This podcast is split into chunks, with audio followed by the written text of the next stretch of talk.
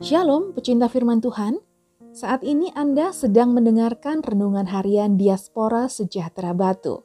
Pembacaan Alkitabnya diambil dari Kejadian 39 ayat 11 sampai 23. Pada suatu hari masuklah Yusuf ke dalam rumah untuk melakukan pekerjaannya, sedang dari seisi rumah itu seorang pun tidak ada di rumah. Lalu perempuan itu memegang baju Yusuf sambil berkata, "Marilah tidur dengan aku." Tetapi Yusuf meninggalkan bajunya di tangan perempuan itu dan lari keluar. Ketika dilihat perempuan itu bahwa Yusuf meninggalkan bajunya dalam tangannya dan telah lari keluar, dipanggilnyalah seisi rumah itu, lalu katanya kepada mereka, Lihat, dibawanya kemari seorang Ibrani, supaya orang ini dapat mempermainkan kita. Orang ini mendekati aku untuk tidur dengan aku, tetapi aku berteriak-teriak dengan suara keras. Dan ketika didengarnya bahwa aku berteriak sekeras-kerasnya, ditinggalkannya lah bajunya padaku. Lalu ia lari keluar.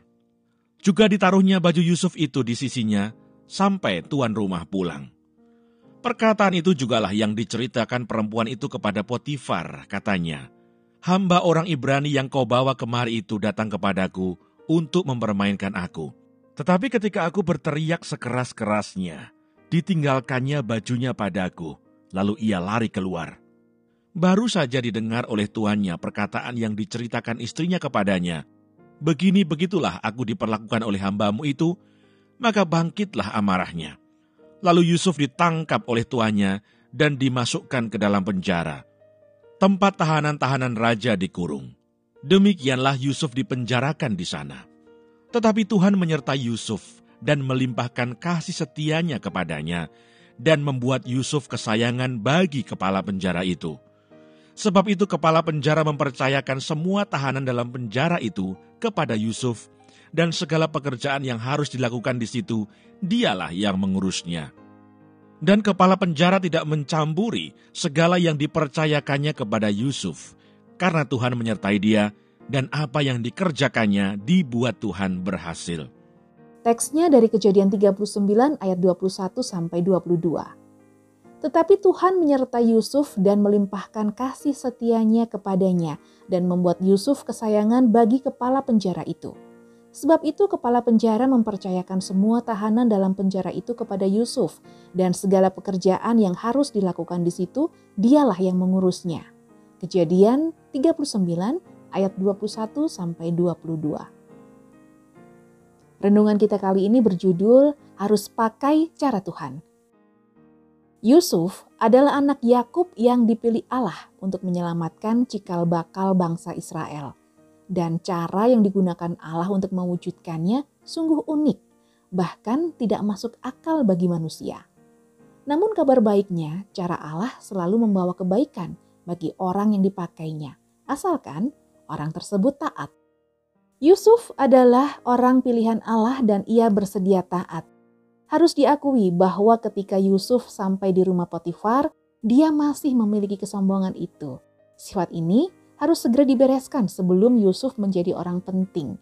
Oleh karena itulah, maka Allah menggunakan penjara sebagai tempat pendidikan bagi Yusuf. Secara manusia, cara Allah tidak membawa sukacita, tetapi membawa kebaikan bagi kedewasaan Yusuf dalam menjalani kehidupan. Ketika Tuhan merasa bahwa Yusuf telah siap untuk dipercaya melakukan perkara yang besar, maka Allah memuliakan dia. Apakah Anda meyakini bahwa Allah akan memakai Anda untuk melaksanakan programnya? Ingatlah bahwa Dia memiliki cara tersendiri untuk mendidik Anda. Oleh karena itu, tugas Anda adalah mengerti rencana Tuhan dan melakukannya dengan penuh kasih dan ketaatan kepadanya. Jangan berusaha membantu Tuhan, namun kerjakan saja bagian Anda dengan sebaik mungkin, sebab cara Tuhan yang unik akan membawa Anda lebih dewasa dalam segala hal. Ketika menjadi rekan kerja Tuhan, kita bisa menjalani hidup terasa seperti di penjara. Hal ini dikarenakan segala sesuatu dibatasi, hidup tidak bebas, tetapi semuanya bertujuan untuk melatih ketaatan kita kepada Tuhan. Kita menjadi manusia yang menggunakan kehendak bebas dengan penuh tanggung jawab di dalam Tuhan sehingga hidup kita tidak akan mudah terjebak dengan tipu daya iblis. Hanya dari kata orang saja aku mendengar tentang engkau, tetapi sekarang mataku sendiri memandang engkau. Ayub 42 ayat 5. Tuhan Yesus memberkati.